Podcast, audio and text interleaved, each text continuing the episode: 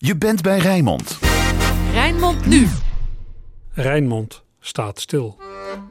Verhalen, analyses en persoonlijk commentaar. Goedenavond. De gekke koeienziekte, Q-koorts, vogelgriep. Steeds vaker horen we in het nieuws dat dierenziektes gevaarlijk en besmettelijk worden voor mensen, met alle gevolgen van dien. Maar u had vast niet gedacht dat de verwoestende en zeer besmettelijke ziekte lepra ook in dit rijtje thuis hoort. Een Rotterdamse arts doet met een heel team al 15 jaar onderzoek naar de ziekte lepra. En wat blijkt nu? De ziekte is springlevend. Het is niet de vraag of, maar wanneer de ziekte terugkomt. In Rijnmond staat stil. Vandaag aandacht voor het onderzoek naar deze ziekte, waar zelfs de paus bij betrokken is. Morgen presenteert de Rotterdamse arts Henk Menke een boek over zijn onderzoek naar lepra.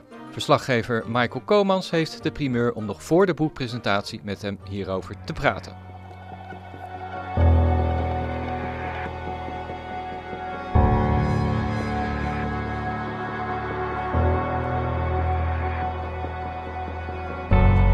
Lepra. Wanneer heeft u er voor het laatst van gehoord? U weet wel, vlekken op uw lichaam. En uiteindelijk kromme stompjes, handen die zelfs afbrokkelen. Knoop dit goed in uw oren, want de komende jaren gaat u er nog veel over horen. Onder leiding van de Rotterdamse arts Henk Menke is 15 jaar lang onderzoek gedaan naar de ziekte. En wat blijkt? Lepra leeft zeker nog. In Engeland lepra is aangetoond bij eekhoorns. Wat hebben deze eekhoorns en lepra met elkaar van doen? En kan het dan ook echt terugkeren richting de mens? De paus is zelfs betrokken geraakt in het onderzoek door Henk Menke. Dat was ongelooflijk spannend. Ik voelde mij als een soort Indiana Jones. Maar hoe kwam hij in eerste instantie erbij om onderzoek te doen naar deze bijna vergeten ziekte?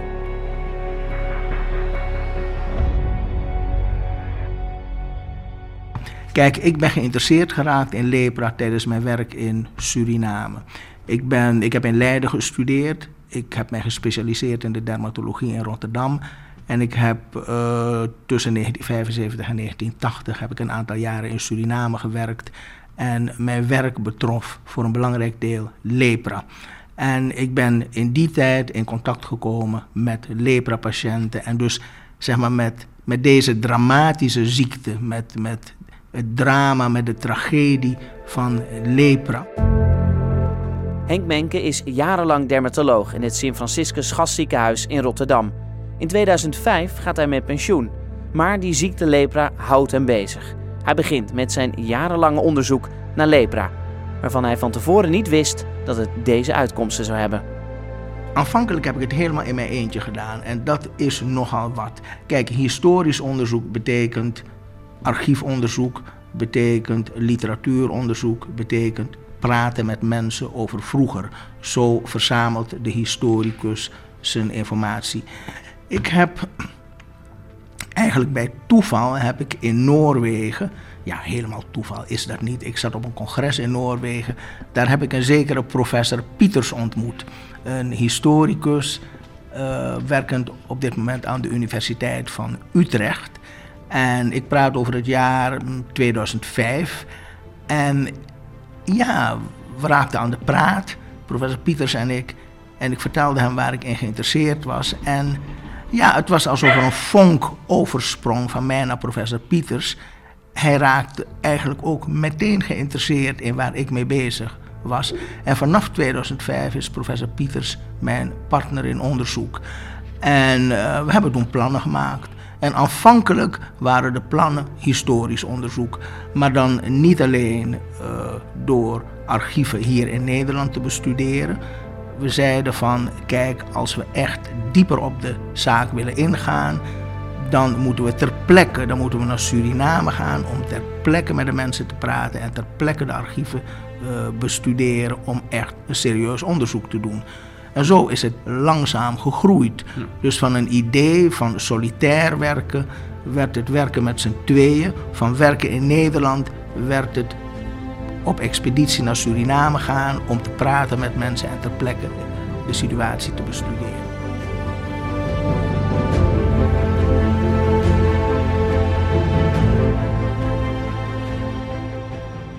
Dan wilt u onderzoek doen. Ehm, ja, eh, ja, het is best lastig. Een ziekte die er eigenlijk niet zoveel meer is. Zeker niet hier in Nederland. Uh, waar begin je dan? Nou, je begint te praten met de mensen die belangrijk zijn geweest. Of die nog steeds belangrijk zijn. En zeg maar in Suriname heeft de katholieke kerk heeft een hele belangrijke rol gespeeld. Dus we kwamen bij de bisschop van de katholieke kerk. Dat is een zekere Monseigneur de Bekker. Dat is een Nederlander. Hij is op dit moment geen bisschop meer, maar hij was toen nog bisschop. Waarom waren de katholieken zo belangrijk? De katholieken die zijn heel belangrijk omdat ze al in de 19e eeuw besloten hebben om in Suriname en ook in andere landen in de wereld zich te werpen als het ware op de leprabestrijding. En het ging hun vooral om de zielenzorg want uh, priesters zijn geen artsen, die kunnen dus geen medische zorg geven, maar die gaven de zielenzorg. Dus ze hadden wel heel veel documentatie dan daar ook over? Ze hadden absoluut heel veel documentatie. En daarom heb ik dus contact gezocht met uh, de katholieken in Paramaribo, in Suriname. En zo ben ik in gesprek gekomen met, met Monsignor de Bekker. En ik vroeg aan Monsignor de Bekker: mag ik gebruik maken van de archieven van de katholieken? En toen zei hij: uh, dokter Menke, dat kunt u. U kunt gebruik maken van de archieven die we hier in Paramaribo, in Suriname hebben. Maar vergeet niet uh, de Zusters van Liefde in Tilburg. En de redemptoristen, de paters in Wittem, in, uh, in Limburg. Daar zitten ook een heleboel van onze archieven. Die hebben we teruggestuurd naar Nederland en daar zitten de archieven. Dus ik was hem heel dankbaar, uh, Michael, heel dankbaar dat wij gebruik mochten maken van de archieven. En we namen toen, ik praat over 2010, afscheid van de bisschop. En uh, toen zei de bisschop, dokter Menke, gaat u nog niet weg, ga nog even zitten, ik wil u een vraag stellen. En uh, ja, ik dacht, wat wil die nu? En ik ging zitten en toen zei de bisschop, uh, dokter Menke en professor Pieters, want ik was samen met Pieters. Uh, mijn vraag is, leed Perke Donders aan lepra? Ik moet je zeggen, ik was helemaal verbaasd over die vraag, had ik niet verwacht. Want wie is Perke Donders? Ja, wie is Perke Donders? Kijk, Perke Donders is een pastoor. Per leeft al lang niet meer. Percodondes is geboren in of rond uh, 1800 in Tilburg, in Noord-Brabant. Percodondes is geboren, is, is eigenlijk een Brabander. En die is pastoor geworden en die is rond 1840, dus zo lang geleden, is hij naar de kolonie Suriname gegaan. En uh, hij heeft 40 jaar lang heeft hij gewerkt op de lepra-kolonie Batavia in de jungle van Suriname, waar honderden lepra-patiënten aan hun lot waren overgelaten. Die waren daar geïsoleerd, die waren daar opgesloten. Want dat was in die dagen de strategie of de bestrijding. Lepra-patiënten, omdat men lepra een zwaar besmettelijke ziekte vond, lepra-patiënten werden geïsoleerd. En daar heeft deze Perke Donders heel lang gewerkt. Maar dat was dan toch levensgevaarlijk eigenlijk ook voor hem, als hij zo contact ja, zo dichtbij met die lepra-patiënten was? Je zou denken van wel, je zou denken van wel. Uh, maar uh, kijk, daar ging het nou juist om. Heeft deze percodonders wel of geen lepra gehad? En waarom vond, vond Monsignor de Bekker, uh, vond de bisschop dit, dit zo belangrijk? Percodonders is intussen zalig verklaard door de paus. En wat ik ervan begrepen heb, is dat de katholieken graag willen dat hij nog een trapje hoger komt en dat hij heilig verklaard wordt. Ik denk dat dat de reden is waarom de, uh, de bisschop mij vroeg: heeft hij aan lepra geleden? Want ik denk dat de gedachtegang zo ongeveer moet zijn geweest. Als hij niet aan lepra heeft geleden, ondanks het feit dat hij 40 jaar lang intensief in contact gekomen is met de lepra-patiënten. Als het ware de mensen op schoot had, de mensen voederde, de wonden verpleegde, de wonden behandelde, noem maar op. Als hij geen lepra heeft opgelopen, dan zou je dat bijna als een wonder kunnen beschouwen. En zo hebben we de vraag van de bisschop serieus opgevat en hebben we na overleg met een andere geleerde, dat is een zekere professor. Uh, Jaap van Dissel, hoogleraar infectieziekten in Leiden, hebben we het plan opgevat om de overblijfselen van percodonders, de botten van percodonders, te gaan onderzoeken op lepra middels DNA-onderzoek. Maar deze man is gewoon zalig verklaard. Die, die ligt in een mooie basiliek. Uh, uh, we zien hier op uh, de laptop wat beelden daarvan. dat kan je toch niet zomaar openbreken? Nee, dat kan je niet zomaar op openbreken. Daar, daar, daar heb je helemaal gelijk in, uh, Michael. Uh, er is ook een heleboel uh, voorbereiding geweest en er, zijn, er is toestemming voor gevraagd. Je moet punt 1 van de autoriteiten in Suriname moet je toestemming hebben om een graf te openen. Ook een graftombe, zoals de graftombe van Perke Donders... die in de basiliek en de kathedraal in Paramaribo ligt. Daar moet je toestemming voor hebben. Dus we hebben formeel toestemming gevraagd aan de autoriteiten in Suriname. Maar omdat Perke Donders zalig verklaard is... en omdat uh, zijn graftombe verzegeld is door de vertegenwoordiger van de paus... hebben we toestemming moeten vragen voor het openen aan de paus. Dat heb ik niet persoonlijk gedaan, maar dat is door bisschop de Bekker gedaan. Die heeft dus toestemming gevraagd voor het doen van dit, onderzoek aan de paus in Rome. In alle ernst hoor, is dat op die manier gebeurd. En er is toestemming voor verkregen, zowel van de autoriteiten in Paramaribo om een graf te openen en van de paus om het graf van de zalig verklaarde Percodondes te openen. En dat is zeer uniek. De kerk die de wetenschap toelaat. Niet alleen in de kerk, maar zelfs in haar heiligste bezitten. In de graven, in de tombe in dit geval, van Perke Donders. Dat was ongelooflijk spannend. Ik voelde mij als een soort Indiana Jones. Het was echt geweldig om dit te doen. Uh, omdat wij niet alleen in de kathedraal de graftombe hebben geopend. Ik heb het je net op de film laten zien die door Boris Everts gemaakt is.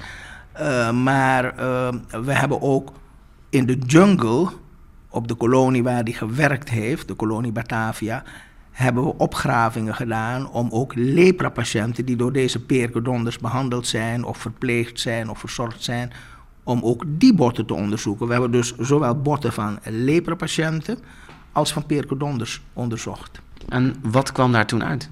Oké, dat is heel spannend.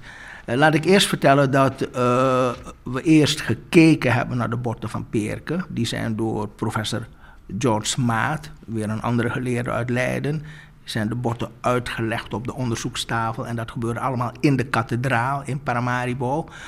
En uh, die botten zijn geïnspecteerd door uh, professor George Maat en wij waren erbij. En er zijn eigenlijk op die botten geen lepraafwijkingen gezien. Uh, aan de ene kant kan je zeggen eigenaardig, maar goed, dat is, dat is gewoon de werkelijkheid. Er zijn geen afwijkingen gezien op de botten van Peerke Donders. Er zijn botsplinters genomen, hele kleine stukjes. Want voor DNA-onderzoek, dat hoef ik je niet te vertellen, heb je heel weinig materiaal nodig.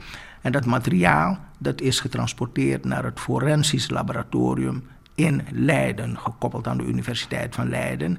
En daar hebben de laboratoriummensen uh, DNA-onderzoek gedaan op de botten om te kijken of ze stukjes DNA van de leprabacterie zouden kunnen vinden. En je vraagt naar het resultaat. Ik zal je vertellen, het resultaat was negatief, oftewel geen leprabacterie DNA gevonden op de botten van Percodonders. Dus uh, de paus heeft u al gebeld, want uh, er is een nieuwe heilige bij, denk ik? Dat weet ik zo net nog niet. Kijk, ik ben zelf niet katholiek, en, uh, maar ik heb me wel laten informeren door de bisschop van Paramaribo dat eigenlijk voor de heiligverklaring moet er een wonder gebeuren in naam van degene die heilig verklaard wordt. Nou, dus er moet een wonder gebeuren, of er moet een wonder gebeurd zijn in naam van uh, Peerke Donders. Ja, kijk, of je het feit dat hij geen lepra had en dat we geen leprabacterie op hem gevonden hebben, ondanks het feit dat hij 40 jaar met leprapatiënten gewoond heeft, of je dat uh, als een wonder moet beschouwen, dat weet ik niet. En, uh, maar ik kan me voorstellen dat uh, dit gegeven ja, bijdraagt, zeg maar, zeg maar, als je praat over de dossiervorming van het langzaam opbouwen van, van, van feiten, uh, van informatie, om aan te tonen dat het een hele bijzondere man is en misschien wel verdient om heilig verklaard te worden, dan kan dit meehelpen. Maar dat is iets waar ik verder me niet mee bemoei. Dat is iets voor uh, de katholieken, voor de, voor, de, voor de paus en de commissie die zich daarmee bezighoudt. Ja. Um, wat kwam er nou nog meer uit, uit het onderzoek, zeg maar, die lepra? Nou, wat er nog meer uitkwam is dus het onderzoek dat we gedaan hebben op de lepra-kolonie Batavia zelf waar we uh, opgravingen gedaan hebben. En waar we de botten van twee lepra-patiënten als het ware naar boven gehaald hebben. Letterlijk. Dat was helemaal spectaculair. Dat hebben we uh, overdag gedaan. Dat was in 2013 in de bloedhete, onder de bloedhete tropenzon. Uh, hebben we de opgravingen gedaan. En we zijn inderdaad gestuurd op die botten. En we hebben aangetoond dat in ieder geval de botten van een jonge vrouw die daar begraven was. Ik denk zo een 200 jaar geleden moet deze persoon zijn overleden. en uh, op die botten hebben we wel afwijkingen gevonden die kunnen passen bij lepra. En ook de botsplinters van deze lepra-patiënten zijn onderzocht in Leiden, in het forensisch laboratorium. En daar is inderdaad wel de lepra-bacterie aangetoond, of beter gezegd DNA-stukken van de lepra-bacterie. Dus dat is ook meteen een soort wat de geleerden noemen controle-experiment. Om te weten dat wat we gedaan hebben bij Peerke Donders correct geweest is. En, uh, uh, want we hebben dezelfde methode gebruikt bij Peerke Donders als bij uh, deze patiënt. Is dat echt de reden? Iemand heilig willen verklaren? Of zit er meer achter? Weet de kerk al meer over deze ziekte en wil ze nog meer de details leren kennen? Straks meer over de kans hoe deze besmettelijke ziekte lepra terug kan keren in onze maatschappij. Maar eerst over het boek van Henk Menke en zijn onderzoeksteam. Morgen is de presentatie in Rotterdam. De eerste druk is nu al volledig uitverkocht. De titel van het boek: De kromme tenen van een leguaan. Niet zomaar een gekozen titel. Ja, welke titel kiezen voor zo'n boek om ja, dat toch boeiend te maken voor, voor de mensen? En ik heb voor deze titel gekozen omdat het toch een heel bijzonder verhaal is dat deze lepra-patiënten vertelde. Het is trouwens een mevrouw die nu nog leeft. Die zal nu denk ik 85 jaar oud zijn of zo. En deze mevrouw die heeft uh, ook in een lepra-kolonie gewoond. De laatste lepra-kolonie in Suriname is in 1972 gesloten. Dus eigenlijk nog helemaal niet zo lang geleden dat de mensen echt opgesloten werden in lepra-kolonies en niet naar buiten mochten komen. Maar oké, u wil weten waarom heet dit boek De Tenen van de Leguaan. Nou, het interview dat is afgenomen bij deze mevrouw, dat ging over onder andere wat denkt deze mevrouw over de oorzaak van haar lepra. De lepra die ze al haar hele leven lang met zich meedraagt. En toen zei deze mevrouw in eerste instantie: Ach, Iedereen weet dat toch, en ik weet het ook. Lepra wordt veroorzaakt door een bacterie, dat is een infectieziekte. Dus die mevrouw kwam met een moderne verklaring over haar lepra. En het interview kabbelde voort, ook over andere onderwerpen. En het interview liep op zijn einde. En toen zei die mevrouw: Ach, weet je, ik zei aan het begin van het interview dat mijn lepra door een bacterie werd veroorzaakt. Maar eigenlijk geloof ik toch iets anders. Eigenlijk geloof ik het verhaal dat mijn moeder mij vertelde. En toen vertelde die mevrouw het volgende verhaal. Ze zei: Mijn moeder vertelde dat ze zwanger was van mij. En toen werd ze loom en ze viel in slaap. En ze was zwanger van mij. En toen droomde ze dat een oude mevrouw naar haar toe kwam. En die oude mevrouw zei: Wat jullie mijn kind hebben aangedaan, zal ook met jullie ongeboren kind gebeuren. En ze schrok wakker. En ze zei tegen haar man: Ik heb gedroomd dat er iets gaat gebeuren. En toen zei die man: Wat dan? Ze zei: Ik weet het niet.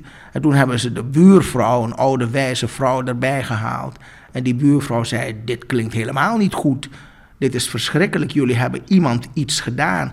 En toen zeiden ze: Nooit, we hebben nooit iemand kwaad gedaan. Ja, denk na, denk na. En toen zei die vader: Die zei: Ja, ik heb wel die leguaan die hier in de tuin rondloopt. En ik haat dat beest. Ik heb stenen op die leguaan gegooid. Oh, wat verschrikkelijk, zei de buurvrouw. Stenen op die leguaan, dat is een, zwangere, een drachtige leguaan. Ik ken dat beest. Dat had je nooit moeten doen. Het kind werd geboren. En op haar vierde jaar kreeg het kind lepravlekken. En we praten over het jaar 1937. Toen werden de mensen met lepra nog opgesloten in een lepra-instelling.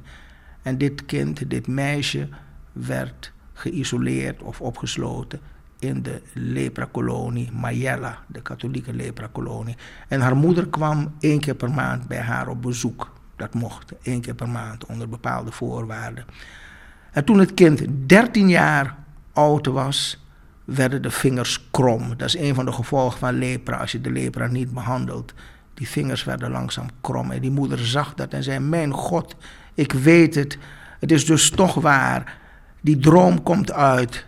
Die droom komt uit. Je vingers worden net als de tenen van een leguaan, de kromme tenen van een leguaan.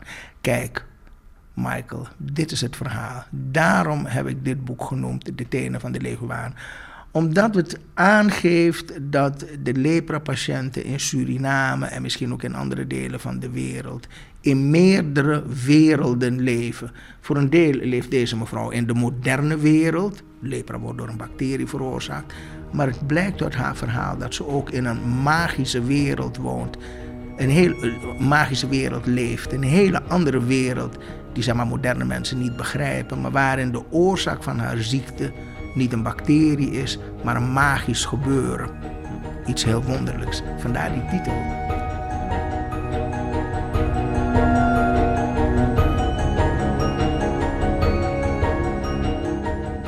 Het boek bestaat voor het grootste gedeelte uit verhalen van patiënten die lepra hebben, hoe ze werden weggestopt in kampen in Suriname. Maar ook een groot gedeelte in het boek gaat over het onderzoek. En misschien wel een van de ontdekkingen die ze hebben gedaan de terugkeer van lepra.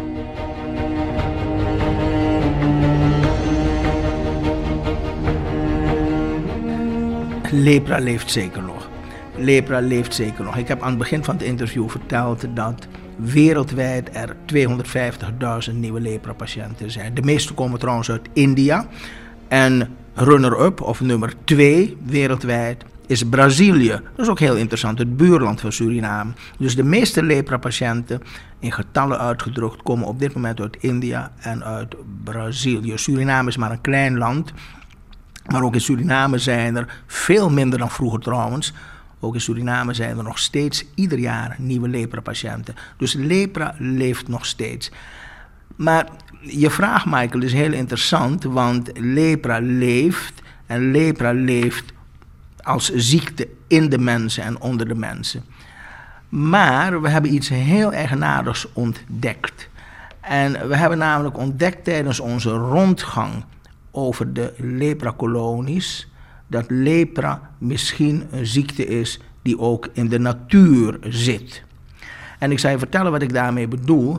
We hebben tijdens onze rondgang op de lepra-kolonie Batavia, waar we de botten hebben opgegraven, en op de lepra-kolonie Chatillon, dat is weer een andere kolonie, daar stuiten we in de jungle, want die kolonies bestaan nog, maar die zijn overwoekerd door oerwoud, want die zijn verlaten. We stuiten op gaten in de grond. En ik vermoedde eerder gezegd al meteen wat voor gaten dat waren. Maar ik vroeg het aan de gids. En die zei: Dit zijn de gaten, de woongaten van gordeldieren. Nou, toen ging er onmiddellijk een lampje branden, want toen schoot het me te binnen dat de geleerden in Louisiana, en we hebben het nu opeens over Noord-Amerika, de Verenigde Staten, Louisiana, een zuidelijke staat, dat in Louisiana gevonden is, een aantal jaren geleden, dat de gordeldieren die daar wonen in Louisiana, dat die drager kunnen zijn van de lepra-bacterie. En toen dacht ik, het zal toch niet waar zijn en toen hebben wij ter plekke in Suriname, toen we stuiten op die gaten, hebben we grondmonsters genomen. En die hebben we in hetzelfde laboratorium laten onderzoeken in Leiden. Door een andere professor, professor Annemieke Geluk. Op aanwezigheid van lepra-DNA.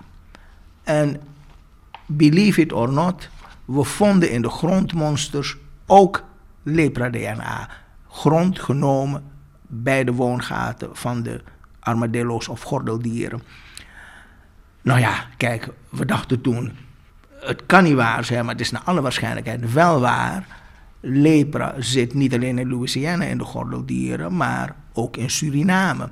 Nou, dit is een ontzettend belangrijke en interessante bevinding, maar dient verder uitgewerkt te worden. We kunnen niet meteen concluderen dat we het met 100% zekerheid bewezen worden, maar dit is wel een hele sterke aanwijzing dat lepra in Suriname ook een ecologisch probleem geworden is. Dus eigenlijk de ziekte lepra uh, heeft zich door medicijnen zeg maar, verwijderd uit de mens. Maar wat u zegt, het leeft nog steeds. Het is er nog steeds, alleen nu in de ecologie, in de natuur, in de dieren. Zou heel goed kunnen. Er zijn hele sterke aanwijzingen voor. Er zijn zelfs bewijzen voor, zou je kunnen zeggen. Het bewijs is geleverd niet in Suriname, want we zijn eigenlijk aan de start van iets nieuws in Suriname. We hebben dit net ontdekt twee, drie jaar geleden.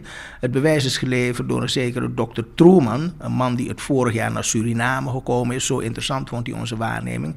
En dokter Truman is wereldwijd een van de topgeleerden op het gebied van lepra en gordeldieren. En die gelooft het ook, wat wij vermoeden, dat de lepra ook in Suriname in de gordeldieren zit. En uh, ja, dit is eigenlijk heel bijzonder.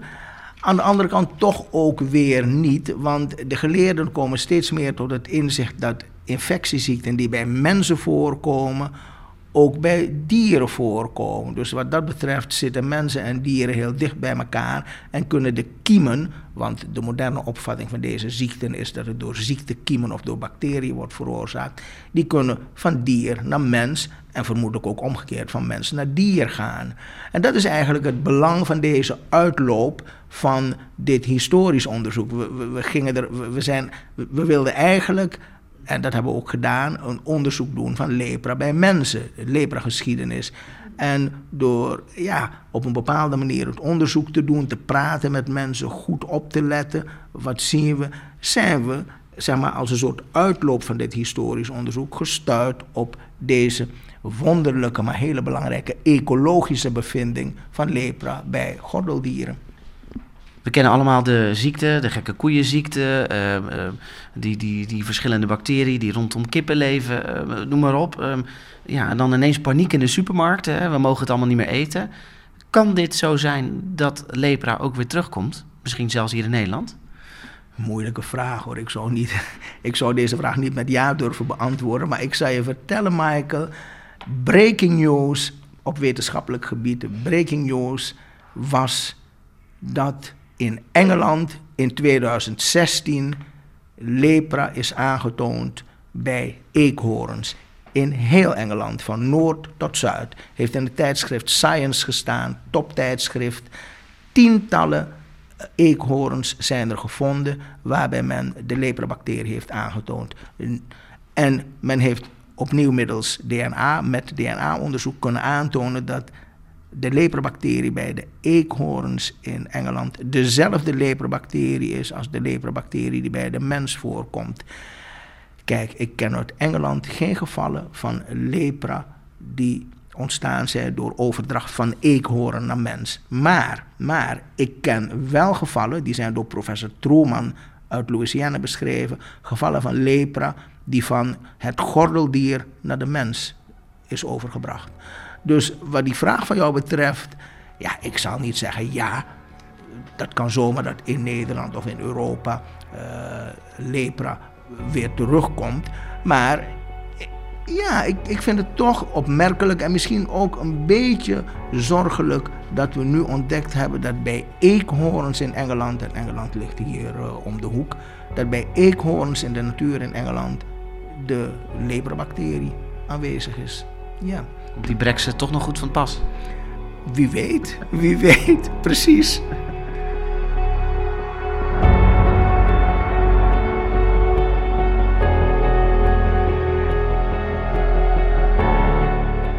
Lepra leeft dus nog. Maar moeten we ons nu ook gaan zorgen maken? Gekke koeienziekte, de vogelgriep. We zien het wel in het nieuws voorbij komen. Maar gaan we lepra ook voorbij zien komen in het nieuws? Wat voor mij helemaal nieuw was en misschien de grote les, is niet alleen de grote les uit mijn onderzoek, is niet alleen de verbondenheid of de relatie tussen verleden en heden, de verbondenheid verleden en heden, maar ook de verbondenheid mens en natuur. Uh, weet je, we hebben het heel, heel veel, bijna dagelijks over de natuur, de opwarming van de aarde, noem maar op. Maar mens en natuur zijn natuurlijk een eenheid. En eigenlijk blijkt uit mijn onderzoek ook deze eenheid van mens en natuur. En het moet verder natuurlijk uitgewerkt worden. En lepra is voor een heleboel mensen maar een verre zijpaadje. Maar het is wel iets dat je aan het denken zet over de verbondenheid tussen mens en natuur. Ja, ik ben het helemaal met je eens. Ja. Dus misschien ook wel zelfs een beetje zorgelijk. Dat je denkt van, daar moeten we ons meer nou ja, gaan specificeren. Gaan onderzoek gaan doen. Natuurlijk moeten we meer onderzoek gaan doen. En daar moet geld voor komen. Dat is ook een van de dingen waar we nu mee zitten. Dat zal ik niet doen hoor. Niet alleen dat ik uh, daar te oud voor ben. Het is ook niet op mijn uh, vlak en, en, en, en, en, en werkterrein verder. Maar er zullen biologische onderzoekers, veterinaire DNA-onderzoekers zullen verder moeten nagaan hoe het zit met uh, zeg maar het dragerschap van uh, de lepra-bacterie door dieren in de natuur. Dat zal zeker verder onderzocht moeten worden. Ja. Um, uw boek wordt uh, morgen gepresenteerd met al deze verhalen, deze bevindingen, deze interviews van mensen. Het bestaat uit verschillende delen, aangevuld met allemaal prachtige foto's hier nou, op het boek wat voor me ligt. Um, wat wordt het volgende boek? Want eigenlijk is dit een open einde. Hè? Als ik bedoel, als ik wil het niet het hele verhaal vertellen natuurlijk, maar het eindigt met Lepra leeft nog. Gaat u door met uw verhaal, uw onderzoek? U bent nu 15 jaar bezig. Nou, het onderzoek gaat in ieder geval door. Of ik het voortzet, weet ik niet. Alles komt een keer een einde, dus ook aan mijn, mijn, mijn werk. Maar ik hoop dat dit door anderen wordt voortgezet. En ik zal u zeggen, u praat met mij en ik heb de naam professor Pieters genoemd en de naam van nog een aantal andere mensen. Maar intussen heb ik, het is niet te geloven, ik ben in mijn eentje begonnen zo in 2005 met dit onderzoek. Maar op dit moment is er een heel team. Ik zal niet zeggen dat ik de leider ben van het team, zo is het niet. Maar er is een heel team van mensen dat zich hiermee bezighoudt. En uh, dus ik, eigenlijk moet ik u zeggen, ik, het is niet dat ik hoop dat dit doorgaat en dat er publiek, meer publicaties komen. En misschien zelfs nog een boek. Uh, niet alleen dat ik het hoop, ik verwacht het eigenlijk dat dit doorgaat. Ja, dit moet doorgaan. Dit mag niet eindigen met dit boek. Nee, dit onderzoek moet doorgaan. Ja. Dus eigenlijk dit boek is nog maar het begin van een heel nieuw onderzoek wat nog maar te gaan komen. Zonder meer. Kijk, dat hoef ik je niet te vertellen. Wetenschap eindigt nooit, gelukkig maar.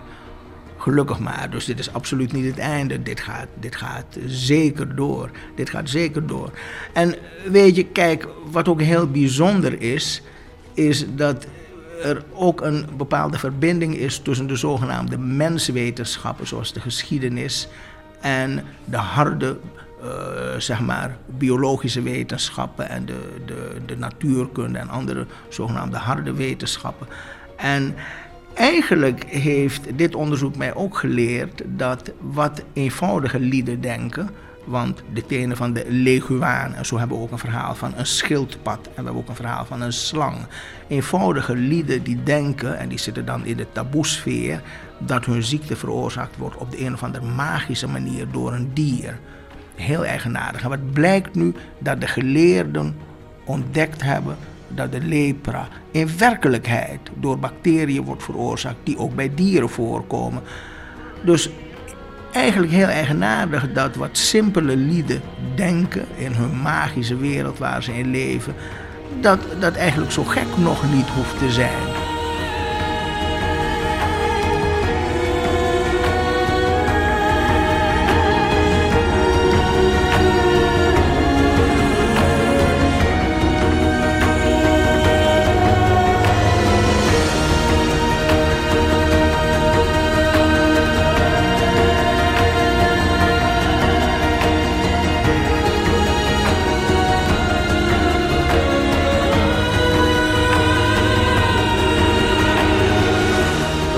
Arts Henk Menke, Michael Komans over de ziekte lepra. De uitzending terugluisteren kan.